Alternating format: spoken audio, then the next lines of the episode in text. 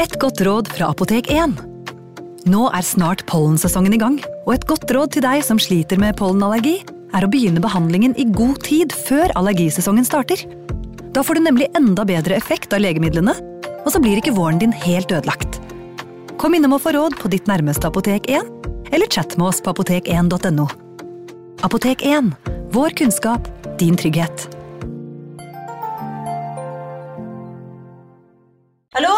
Jeg kommer fra Oslo politikammer. Ine Jansen er purk. Er du purk? The motherfucking bitch. Alt jeg vil, er å finne ut hva som skjedde med mannen min. Jon Carew. Er jeg sikta for noe? Iben Akeli. Det er du. Ole So, Lars Berrum og Big Daddy Karsten. Hvem sin side er du på, egentlig? Anette Hoff, Tone Danielsen, Kommer du fra Afrika? Jørnis Josef, Nesten. Kløfta. Trond Espen Seim, Det er synd å si det, men det var feil mann som døde. Purk. Premiere tirsdag på TV2 Play. Ungsamtalen fra DNB er økonomisk veiledning tilpasset deg som er ung.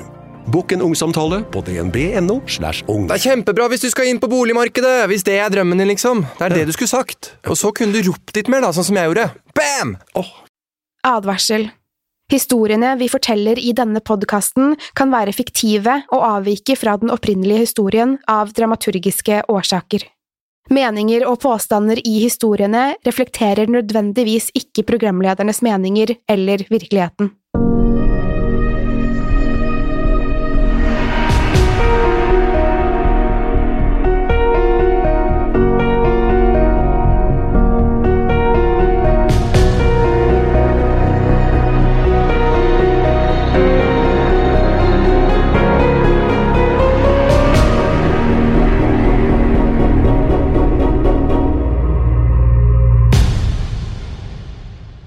Hei, Pernille. Hallo?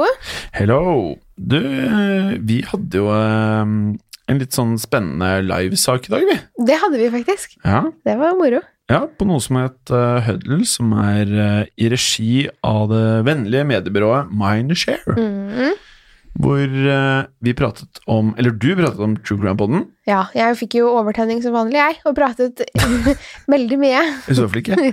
Takk. Og så pratet vi Ja, om Skrekkpodden innimellom.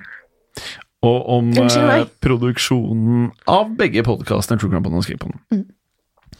Eh, og så har vi jo hatt en spennende uke nå hvor vi har fått ekstremt mye fine tilbakemeldinger og henvendelser på cover. Mhm. Og da er det jo litt sånn at noen kanskje har misforstått litt, grann, for det, vi ønsker jo ikke et nytt cover til Skrekkpodden. Vi ønsker et nytt cover til en ny podkast Ja. som kommer. Eh, og vi ønsker forslag til denne nye podkasten også. Der vi har fått masse gode eh, tilbakemeldinger. Så gode tilbakemeldinger og så gode ideer at vi har funnet navnet vårt, uten at vi kan si det her, kanskje. Ja, vi har faktisk Vi satt og gikk gjennom eh, disse forslagene vi fikk forrige uke. Ja. Eh, og nå har vi Det var mye bra. Det var mange morsomme, så var det noen litt tøysete, selvfølgelig. Mhm, Men det var uh, Vi fant et veldig bra navn som er foreslått av en lytter. mhm. Men vi skal ikke si det ennå. Og han eller hun kommer til å få en telefon eller telefon, innbydelse til å komme og møte oss. Uh, så vi kan takke så mye for bidraget. Mm. Eh, og på coverfronten så har vi vel også funnet den personen vi syns eh, kanskje uttrykker seg på den måten vi tenkte oss mest, selv om det ble laget et cover om Skrekkpodden mens det er noe annet vi skal. Ja. Men det var kanskje Det ikke noe vi var så tydelige på. Nei, vi var kanskje ikke det, men vi har i hvert fall sett hva denne personen klarer å gjøre, og det er vi veldig imponert over. Så den personen blir også kontaktet. Ja. Eh, og når alt er bestemt, så kan vi jo gi en liten uh, skål, holdt jeg på å si, en toast på, i alle podkastene. Uh, sånn takk til vedkommende, for der er jo faktisk noe som hjelper oss masse. Det har hjulpet oss så mye. Det har spart mye tid for oss, altså. Ja. Eh, og så er det hyggelig å involvere lytterne. Det syns jeg. Og da blir det da blir det liksom vår podkast. Altså vår og lytternes podkast. Det syns jeg er koselig.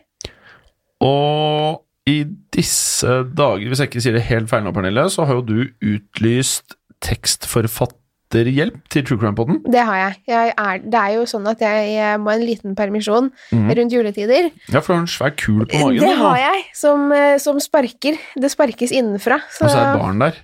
det er et barn Ja. der. Det har jeg faktisk bildebevis på også. Ja, du har det? Ja, jeg har det. Ja.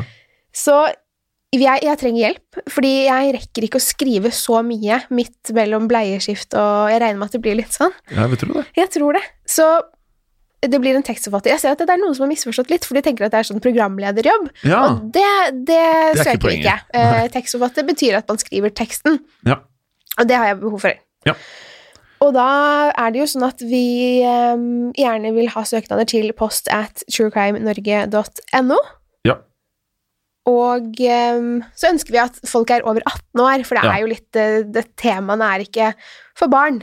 Selv om jeg vet at det er mange unge som hører på. Det er veldig hyggelig at de også sender inn um, søknader og eksempler på tekst, men Ja eh, eh, vi må nok opp i 18-årsalderen pluss. Ja.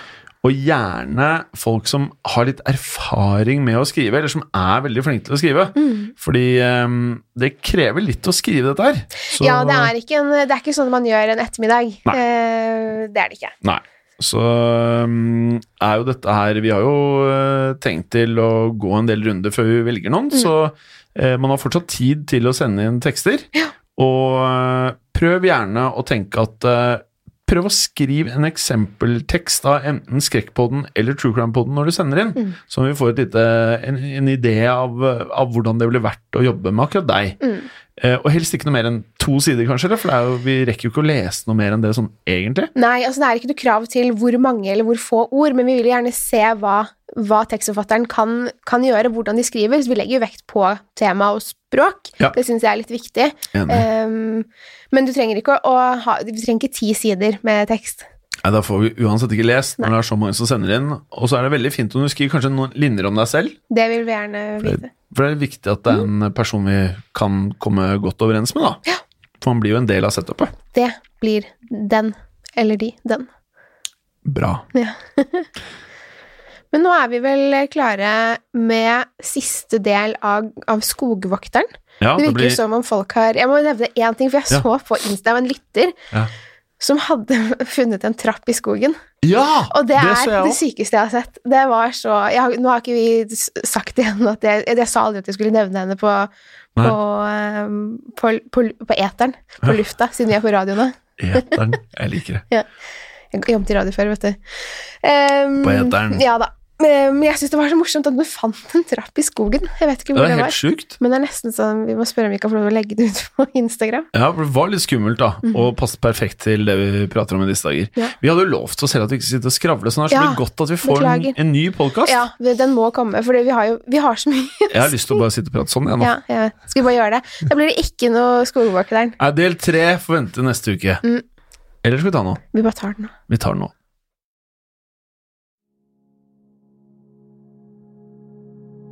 En venns erfaringer. Jeg skal fortelle dere om mine første år i denne jobben. Da jeg begynte, var det ingen som fortalte meg om alle de merkelige tingene som skjedde i parken. Jeg tror det var fordi de ikke ville at jeg skulle bli skremt og slutte. Da jeg hadde hatt jobben i et par måneder, begynte en kollega å snakke om en interessant historie. Han fortalte dette. Ja, det kan bli ganske vilt der ute. Jeg tror de verste sakene er de der folk dør når de ikke burde ha gjort det, om du skjønner hva jeg mener. Eller hvis vi finner dem døde, kanskje ti minutter etter at noen så dem, uskadde og i levende live. Det skremmer meg. Jeg vil fortelle deg om en mann jeg og noen kolleger fant en vårdag ute på en populær sti. Noen kom til oss og fortalte at en mann lå midt på stien i en blodpøl. Vi løp bort, og det viste seg at mannen var død. Bakhodet hans var knust, store deler av skallen var nesten helt borte, og hjernen rant utover. Den døde mannen var relativt gammel, og vi tenkte at han hadde falt og dermed knust hodet sitt. Eldre mennesker faller ofte, så det kunne hende at dette var tilfellet. Likevel var det ingen store steiner eller høyder han kunne ha falt fra som ville gitt slike skader. Det var heller ingen høye nok trær i umiddelbar nærhet, bare litt kort gress, og det var i alle fall ikke hardt nok til å kunne knuse hodet hans på denne måten. Det var heller ingen blodspor, så han hadde åpenbart dødd akkurat der han lå. De fleste ville tenkt at dette var mord, ikke sant? Men her kommer det merkeligste. Det var folk rett i nærheten av mannen. Hvis noen hadde kommet bak han og drept han, ville de garantert hørt det. Da ville det vel også vært blodspor og blodsprut rundt liket, ville det ikke? Men det var kun blod rundt hodet hans. Likevel sa alle som var der at det så ut som han hadde falt rett ned og knust hodet på noe. Så hva slo han hodet på? Det var også en dame som ble funnet i en annen park for ca. fem år siden. Vi fant henne i et ganske øde område, midt blant en samling store einer. Hun lå rundt en av stubbene, som om hun holdt seg fast i den. Vi tok henne opp for å flytte henne, og idet vi løftet henne opp, rant omtrent en hel foss ut av munnen hennes. Det plasket ned over skoene mine. Klærne hennes var tørre, håret hennes var tørt, men de enorme mengdene vann i lungene og magen hennes var helt utrolig. Ufattelig, spør du meg. Politiet mente kvinnen døde av drukning. Det ga jo ingen mening. Vi var midt i et område hvor det var ekstremt tørt, og det var heller ikke noe vann å se på kilometers avstand. Ikke så mye som en pytt engang. Det var ingen tegn på at noen andre hadde vært der, så det kan jo være mulig at hun ble drept, eller? Da burde vi jo ha sett tegn etter andre der, men det var ingen spor å finne. Bare en kvinne som døde av drukning uten noe vann eller sjø i nærheten.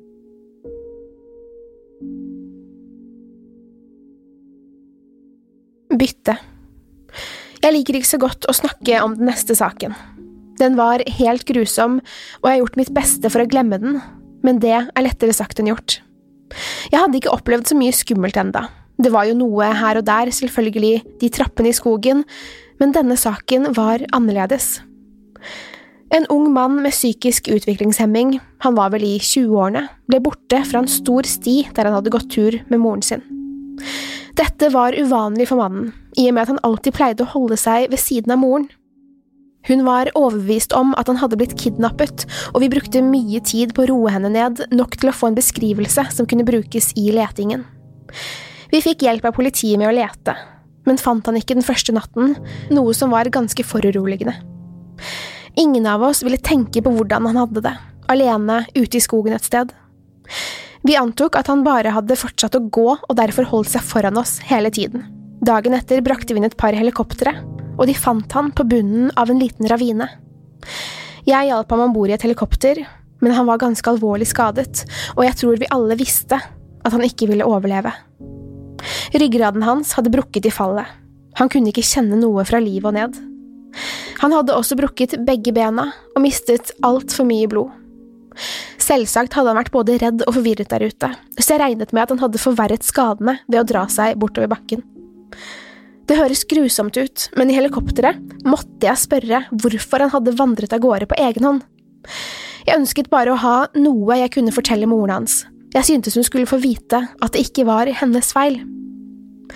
Den unge mannen gled inn og ut av bevissthet, og jeg tror ikke hun ville rekke å spørre han selv. Han virket redd, og jeg prøvde å snakke rolig med han. Mellom hikstene svarte han at det var en liten, trist gutt som ville at han skulle være med og leke. Den unge mannen hadde gått ned fra stien for å snakke med gutten. Den lille gutten sa at han ville bytte, så han kunne dra hjem. Igjen og igjen. Jeg måtte bytte for å dra hjem. Da mannen hadde spurt hva han måtte bytte, sa gutten igjen at han så gjerne ville dra hjem, og for å gjøre det måtte han bytte.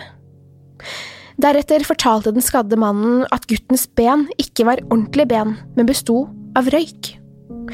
Jeg fikk ikke noe mer ut av ham enn det, bare at de var røyk. Deretter hadde mannen lukket øynene, og da han våknet, lå han i bunnen av ravinen. Han gråt mens han fortalte videre, og jeg lente meg frem for å holde han i hånden. Det var så kaldt der ute, sa han. Det var så kaldt der ute. Bena mine var frosne. Det var så kaldt der. Det er kaldt i meg. Sakte ble stemmen hans svakere, og jeg så han ikke mer på en stund. Han lå på båren, hvit i ansiktet, og med rundt fem minutter unna sykehuset åpnet han øynene og stirret rett på meg. Så sa han, Jeg tror han har byttet nå. Mamma kommer ikke til å se meg igjen. Jeg skulle ønske hun var her. Straks han hadde uttalt ordene, lukket han øynene og våknet aldri igjen. Det er en av de sakene som virkelig gikk inn på meg. Hånden i treet. En gang kom jeg i snakk med en eldre skogvokter. Etter hvert ble vi bedre kjent, og han begynte å dele historier med meg. Det var ganske forstyrrende å høre på, men det hjalp å vite at jeg ikke var den eneste som ble påvirket av alt som foregikk der ute. Her er en sak han fortalte meg om. Hendelsen havnet ikke på nyhetene av en eller annen grunn, men de fleste som har vært her lenge nok, vet nok om det. Det startet med at vi solgte en liten del av parken til et tømmerselskap. Kjøperne ansatte noen som hogde trær i denne delen, og plutselig fikk vi en telefon om at vår overordnede måtte komme dit med en gang. Jeg vet ikke helt hvorfor, men de endte opp med å sende meg og noen av de andre sammen med sjefene. Kanskje tenkte de jo at flere jo bedre. Da vi kom ut dit for å se hva som foregikk, fant vi dem stående rundt et tre de nettopp hadde hogget ned. Formannen kom raskt bort og sa at han ville vite hva vi holdt på med. Hva er dette? En morbid vits? tordnet han. Hvem tror dere at dere er? Vi kjøpte denne plassen på rett og rimelig vis. Vi ante ikke hva han snakket om eller mente, så han tok oss med bort til treet og pekte mot stammen. En del av treets innside var oppråtnet og hul, og dannet et lite kammer som hadde blitt synlig da treet ble hogget ned. Inne i kammeret var det en hånd, en hånd kuttet tvert av ved håndleddet. Det var ikke som om hånden lå hengeslengt inni der, den var grodd sammen med treet, sammenfiltret med treets råtne fibre. Som den var en del av det. På dette tidspunktet trodde vi at det var tømrerne som tullet med oss, så prøvde vi å dra, men de sa at de allerede hadde ringt politiet, og at de ville gå til media hvis vi ikke ble der. Det fikk i alle fall sjefens oppmerksomhet, så vi ble igjen og snakket med politiet. Alle nektet for å ha plassert hånden der, og hvordan skulle de ha gjort det uansett? Det var åpenbart en ekte hånd, men var ikke mumifisert eller råtnet bort til det bare var skjelett igjen. Hånden var helt fersk, mest sannsynlig ikke mer enn en dag gammel. I tillegg hadde den definitivt smeltet og grodd sammen med treet. Man kunne se at hånden vokste rett ut av treverket. Hvordan skulle noen av oss ha klart å gjøre noe sånn? Tømrerne insisterte på at de ikke hadde puttet hånda der. Politiet fikk dem til å sage delen av treet med hånden til en stor bit som de kunne undersøke. Etterpå tok de den med seg og stengte området. I kjølvannet av dette fulgte en omfattende etterforskning. Likevel fant de aldri noen spor som kunne avsløre hva som hadde skjedd. Vi hadde ikke solgt noen flere områder til tømring siden. Ikke så lenge etterpå var det en storm hvor lynet slo ned ca. 60 km unna tømmerområdet. Jeg og to andre dro ut og tok en kikk på det hele dagen etter, for å se om det hadde ført til ras eller lignende. Vi fant to trær som hadde falt etter lynnedslaget. Det ene var splittet i to av lynet. Da vi kom nærmere, så vi at det var et hulrom i det splittede treverket. Inngrodd i trefibrene var det et menneskebein. Beinet var nakent og gikk fra kne til fot, og også dette så helt ferskt ut. Vi ringte selvsagt politiet igjen, men jeg tror ikke de fant noen spor denne gangen heller. Det gjør meg ille til mote å tenke på. Hvorfor gror det kroppsdeler i trærne her? Er det flere vi fortsatt ikke har funnet? Hver gang jeg går forbi et tre som har falt i parken, håper jeg at det ikke skal være noe i det. Jeg får ofte en kravlende, ekkel tanke i bakhodet om at jeg en gang vil finne et tre og se et ansikt som stirrer tilbake på meg.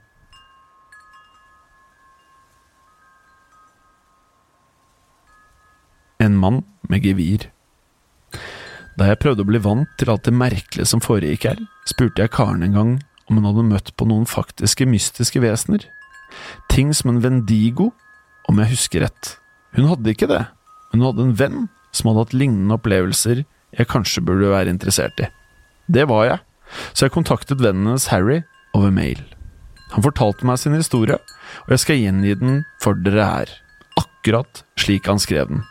Og her kommer den. Jeg vokste opp i den sentrale delen av Oregon, og det var et reservat kalt Warm Springs rundt to timer unna huset mitt. Da jeg var liten, pleide vi å dra ut og campe der. Ikke på selve reservatet, men i samme område, og jeg ble kjent med mange barn som bodde der. Jeg ble særlig godt kjent med en gutt som het Nolan, og vi pleide å henge mye sammen når familiene våre var i området. Foreldrene våre ble også godt kjent, og de pleide å avtale camping der samtidig. Vi pleide å campe der i to uker hver sommer. Egentlig bodde vi i en campingvogn, men vi pleide å sette opp teltene våre et stykke bortenfor og sovne der i stedet. Jeg likte ikke å sove inne i campingbilen, jeg ville heller sove ute under åpen himmel. Et år var jeg og Nolan der, jeg tror vi var rundt tolv år gamle.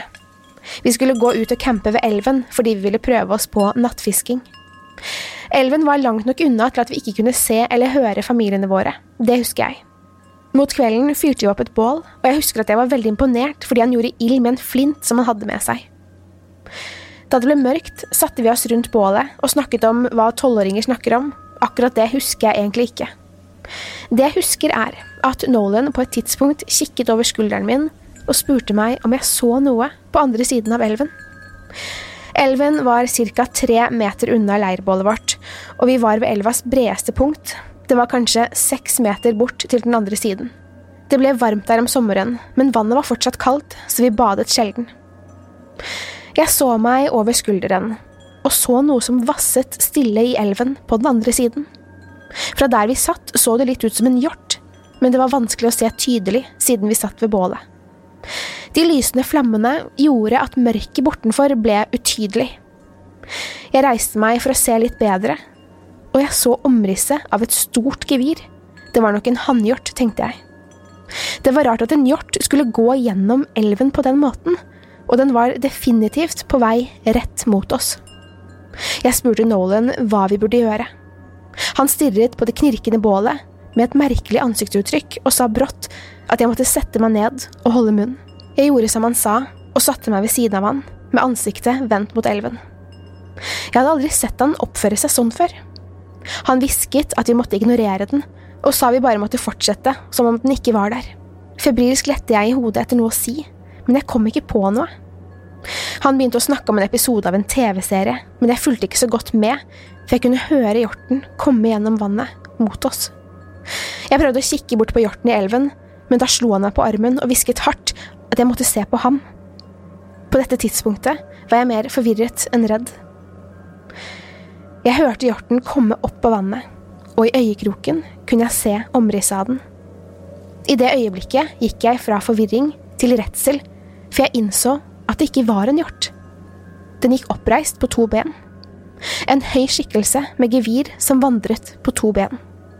Jeg fikk panikk, forsøkte å reise meg, men Nolan dro meg ned og fortsatte å snakke om TV-serien.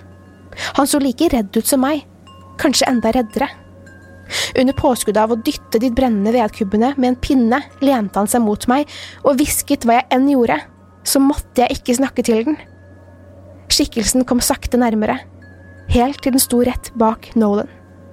Jeg var så redd, og hvis jeg var alene, hadde jeg løpt, men jeg ville ikke forlate kameraten min, så jeg satt musestille der jeg var. Til tross for beskjeden om å ignorere vesenet, klarte jeg ikke la være å kaste små blikk på det. Det var noe merkelig med måten skikkelsen sto på.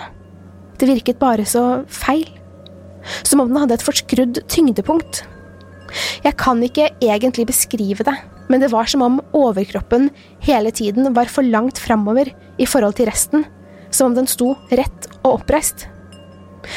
Den fortsatte å stå bak Nolan lenge. Lenge. Til slutt gikk han tom for ting å si, og stillheten bredte seg om oss, kun avbrutt av knitringen fra bålet. Hjertet mitt slo så hardt at jeg var sikker på at skapningen kunne høre det. Først da la jeg merke til en lav stemme som brummet noen ord jeg ikke kunne skjelne helt ut. Det kom fra skapningen. Uten å helt kontrollere det selv, lente jeg meg fremover for å høre hva den sa. Idet jeg gjorde det, lente den seg også fremover. Jeg kunne ikke se ansiktet ordentlig i lyset av bålet, men jeg så øynene. De var store og dekket av en melkeaktig, uklar hinne, så selv om vesenet ikke hadde pupiller, kunne jeg se at den stirret rett på meg. Øynene dens var som noe dødt som hadde blitt vekket til live igjen. Alt jeg så, var de hvite øynene og omrisset av det store geviret voksende ut av hodet dens. Det føltes som om jeg kom til å kaste opp, jeg vet ikke hvordan ansiktet mitt så ut, men da jeg fikk øyekontakt med Nolan, reiste vi oss samtidig, raskt som lynet, og sprang så fort vi kunne mot campingplassen. I løpet av de sekundene vi løp, kastet jeg blikket bakover, og jeg så skapningen komme etter oss. Den løp ikke, bare gikk rolig, men av en eller annen grunn var hvert skritt mye lenger enn det burde. Jeg satte opp farten, og da så jeg meg over skulderen igjen. Så jeg at den stoppet. Vi fortsatte å løpe. Da vi endelig var fremme ved campingplassen, så vi den ikke lenger bak oss. Hva var den tingen? spurte jeg Nolan, og han sa at han visste ikke. Han sa at det var bestefaren hans som hadde advart han om at hvis noe noensinne kom bort til han i ørkenen, så måtte han aldri, aldri snakke med det eller lytte til noe av det han sa.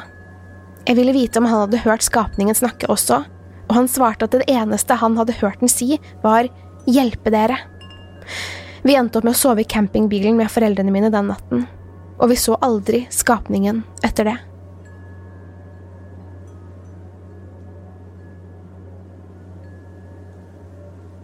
Bendigo og mannen uten ansikt. Den historien minner meg veldig om legenden om vendigoene. De var mennesker som måtte ty til kannibalisme fordi de var så sultne og derfor ble forvandlet til monstre. Noen pleier å si at vendingoer er de ensomme steders ånder. Iblant, når jeg er langt ute i villmarken og jeg vet ikke er noen andre mennesker i mils avstand, så hender jeg nesten blir overmannet av en slags sult jeg kan ikke forklare det, og jeg vet ikke om det pleier å skje med noen andre, men jeg blir så sulten. Ikke sulten på mat, jeg vil bare fortære noe, men jeg vet ikke hva. Det er en merkelig og distraherende sult som får magen min til å skrike etter noe. Uansett hvor lenge det er siden jeg har spist. Dere husker kanskje at jeg har snakket om mannen uten ansikt før? En stund etter jeg hørte om han første gangen, spurte jeg venner i bransjen om de visste noe mer om denne mystiske mannen. Vi var fem i vennekretsen som møttes for å spise middag en dag, og en av dem fortalte meg at han hadde møtt på noe lignende som det jeg snakket om. Dette er hva han fortalte. Jeg holdt på å legge et nytt strøk maling på et skur med informasjon til turgåere ved utkanten av parken, da jeg hørte en mann spørre om veien til nærmeste campingplass. Jeg snudde meg ikke fordi jeg sto høyt oppe på en stige, men jeg sa til mannen at det ikke var noen campingplasser i nærheten. Men hvis han fulgte veien nedover seks kilometer, så ville han finne en ved en annen park. Da jeg spurte om jeg kunne hjelpe ham med noe annet, sa han nei og takket meg for veibeskrivelsen. Igjen tok jeg fatt på malingen. Men jeg kunne ikke høre mannen gå sin vei. Vanligvis ville jeg ikke tenkt noe over dette, men fra det øyeblikket han hadde snakket til meg, hadde hårene reist seg i nakken min. Bare nærværet hans gjorde meg urolig. Alt jeg ville, var bare å bli ferdig med å male, så jeg kunne komme meg vekk derfra.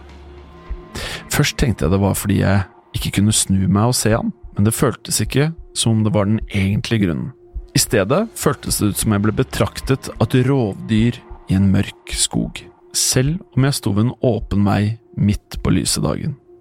Det er den følelsen du har når du vet det er noe farlig i nærheten, men du vet ikke hvor. Sånn var det. I tillegg kjente jeg en merkelig lukt allerede før mannen snakket til meg. Det luktet litt som gammelt blod. Jeg sto oppe på stigen og ventet på at mannen skulle gå sin vei, men jeg hørte aldri noe. Sto han bare der og så på meg? Igjen spurte jeg om jeg kunne hjelpe han med noe mer, men han svarte ikke. Jeg visste at han var der, for jeg hadde ikke hørt han gå. Jeg manøvrerte meg klønete rundt på stigen, så jeg kunne kikke ned og se hva han holdt på med. Det kan hende hjernen min spilte meg et puss i det øyeblikket, men jeg lover, da jeg så på mannen, virket det i to sekunder som om han ikke hadde noe ansikt. Det var ikke noe der. Ansiktet var helt tomt. Der ansiktet skulle ha vært, var hodet hans helt glatt og kurvet litt innover. Hjertet mitt stoppet et lite sekund, og jeg klarte nesten ikke å skjønne hva jeg så på. Hvordan hadde han snakket til meg uten en munn. Jeg begynte å si noe, men brått hørte jeg et lavt pop i hodet, og plutselig var han bare en helt normal fyr med et helt ordinært ansikt. Det tok et sekund før jeg innså at han spurte om det gikk bra med meg. Ansiktsuttrykket mitt må ha gjort han urolig, så jeg svarte ja, så klart. Stemmen min var ustø, han spurte meg igjen hvor campingplassen var, og da jeg pekte, så spurte han om jeg kunne bli med han og vise, for han var ikke herfra. På det tidspunktet var jeg helt sikker på at det var noe mistenkelig som foregikk, for det var umulig at mannen kunne ha kommet seg hit hvis han ikke visste hvor han var. Det var ingen bil her heller, oppdaget jeg. Så hvordan hadde han da kommet seg hit i det hele tatt? Jeg beklaget og sa jeg ikke kunne ta med i firmabilen, og da sa han Vær så snill, jeg aner ikke hvor jeg er, kan du bli med og vise meg veien? Da han sa det, ble jeg plutselig urolig, og jeg begynte å lure på om dette egentlig var et overfall eller noe lignende. Kanskje skulle han rane eller kidnappe meg så fort jeg satte meg i bilen med han? Jeg tok raskt frem telefonen av lommen, og presset fram at jeg kanskje kunne ringe en taxi som kunne komme hit og ta med dit han skulle. Nei! Utbrøt han brått, og hastet vekk fra meg. Han gikk ikke ut av parken slik jeg trodde han skulle, i stedet gikk han inn mellom trærne. Panisk klatret jeg ned, satte meg i bilen og puttet nøkkelen i tenningen. Da jeg svingte bilen ut i et forrykende tempo, kikket jeg i bakspeilet og så at mannen sto i utkanten av skogen og så etter meg. Denne gangen hadde han i hvert fall ikke noe ansikt. Han sto og stirret etter meg uten øyne, og så tok han et skritt bakover inn i skogen og forsvant. Kanskje var det mørket fra skogen, men det så virkelig ut som om han bare smeltet vekk.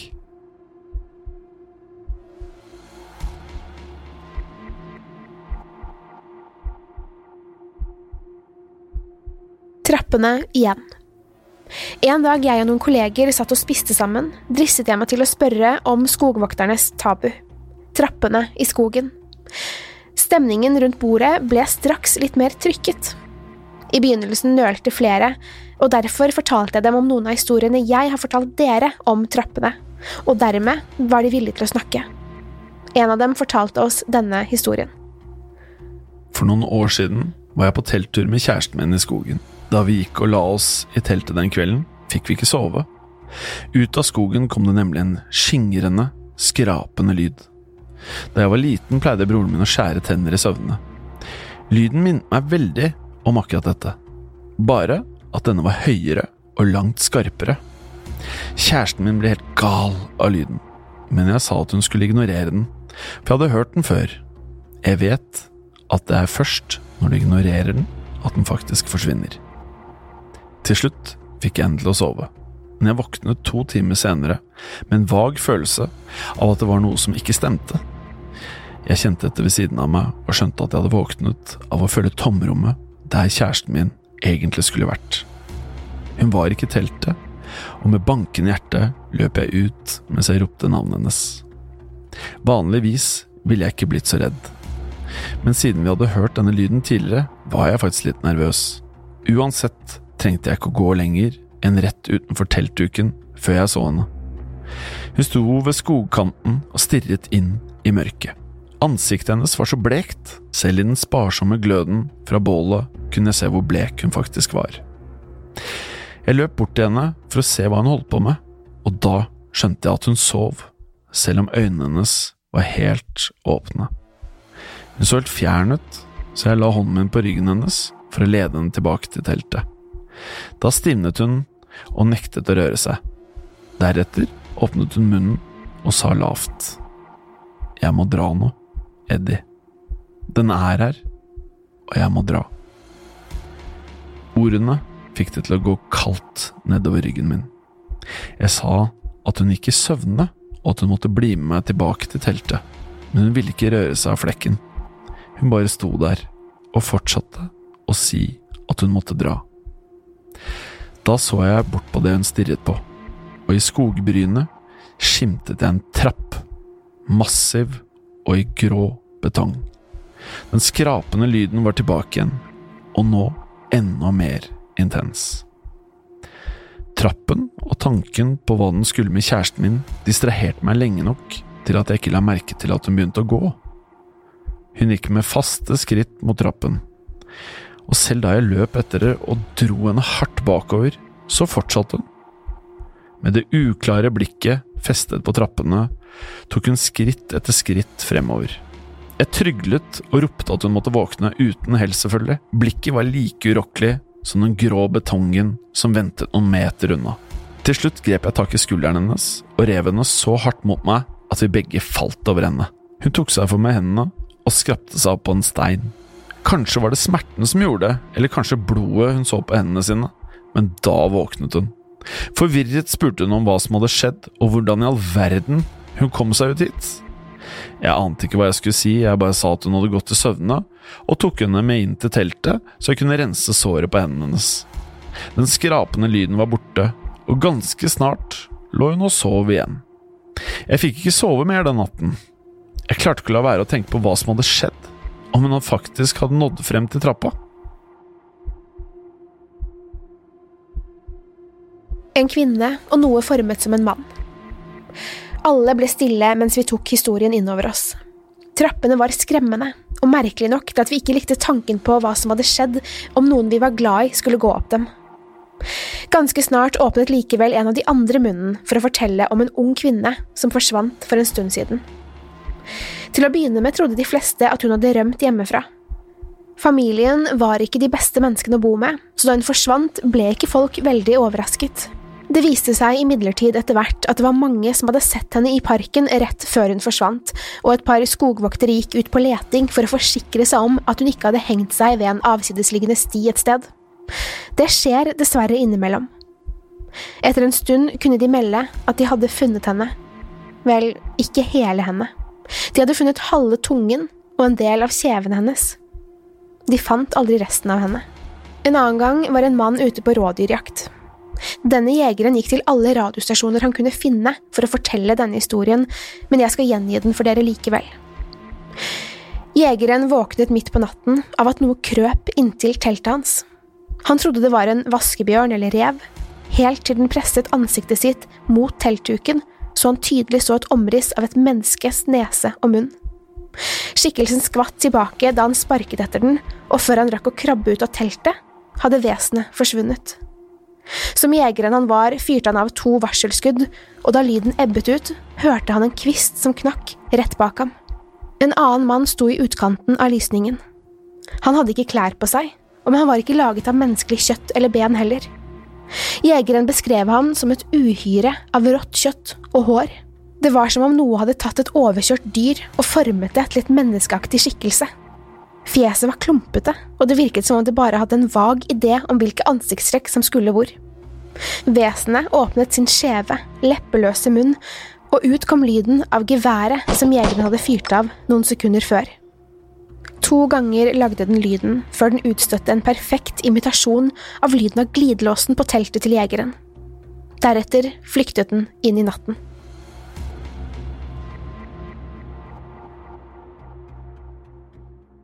Skogvokterens avslutning I denne bransjen er det så mange historier. Mange av dem er om barn. Så mange barn som forsvinner og dukker opp i huler og fjell presset inn ufattelig trange hulrom. Flere ble funnet på fjelltopper eller i bunnen av grunne dammer. Forsvunne sko, forsvunne sokker, eller så finner man barnet med både sko og sokker i plettfri stand, milevis unna der de forsvant.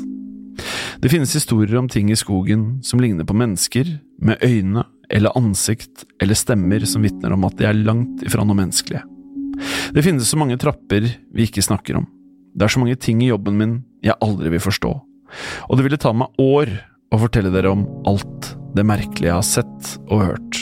Uansett vil jeg takke dere for å ha lyttet til disse gjenfortellingene. Det er mange skumle skikkelser der ute i skogen, og det er viktig at dere holder dere trygge. Hvis dere går ut dit, ta med mat, ta med drikke og ta med riktig utstyr. Fortell folk hvor dere drar, og når dere skal komme tilbake.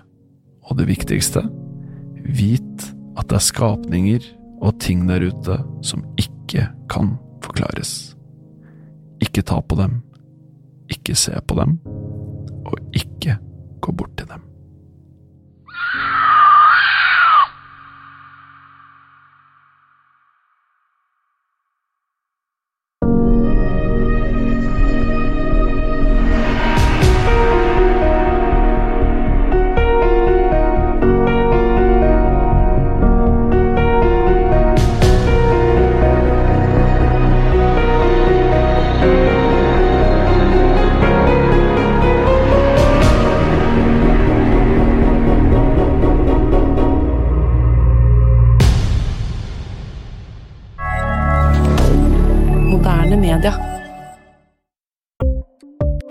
Ukens annonsør er Folio, en smartere banktjeneste for deg som har en egen bedrift eller ønsker å starte for deg selv.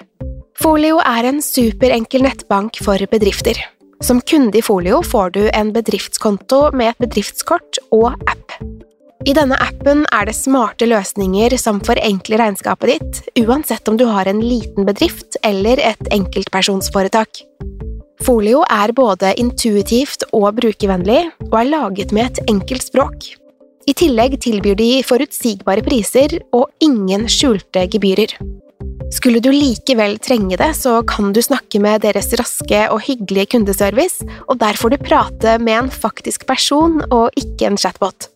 Folio er med andre ord både enklere og koseligere enn banken. Over 10 000 bedrifter har allerede valgt Folio som sin banktjeneste, så besøk folio.no og se hvordan Folio kan forenkle din hverdag også.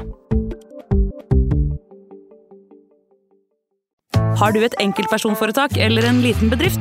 Da er du sikkert lei av å høre meg snakke om hvor enkelt det er med kvitteringer og bilag i fiken, så vi eh, gir oss her, vi. Fordi vi liker enkelt. Fiken superenkelt regnskap. Kiwi er billigst i VGs matbørs og har vært billigst i fire av de fem siste VGs matbørser. Og nå presser vi prisene på frukt og grønnsaker.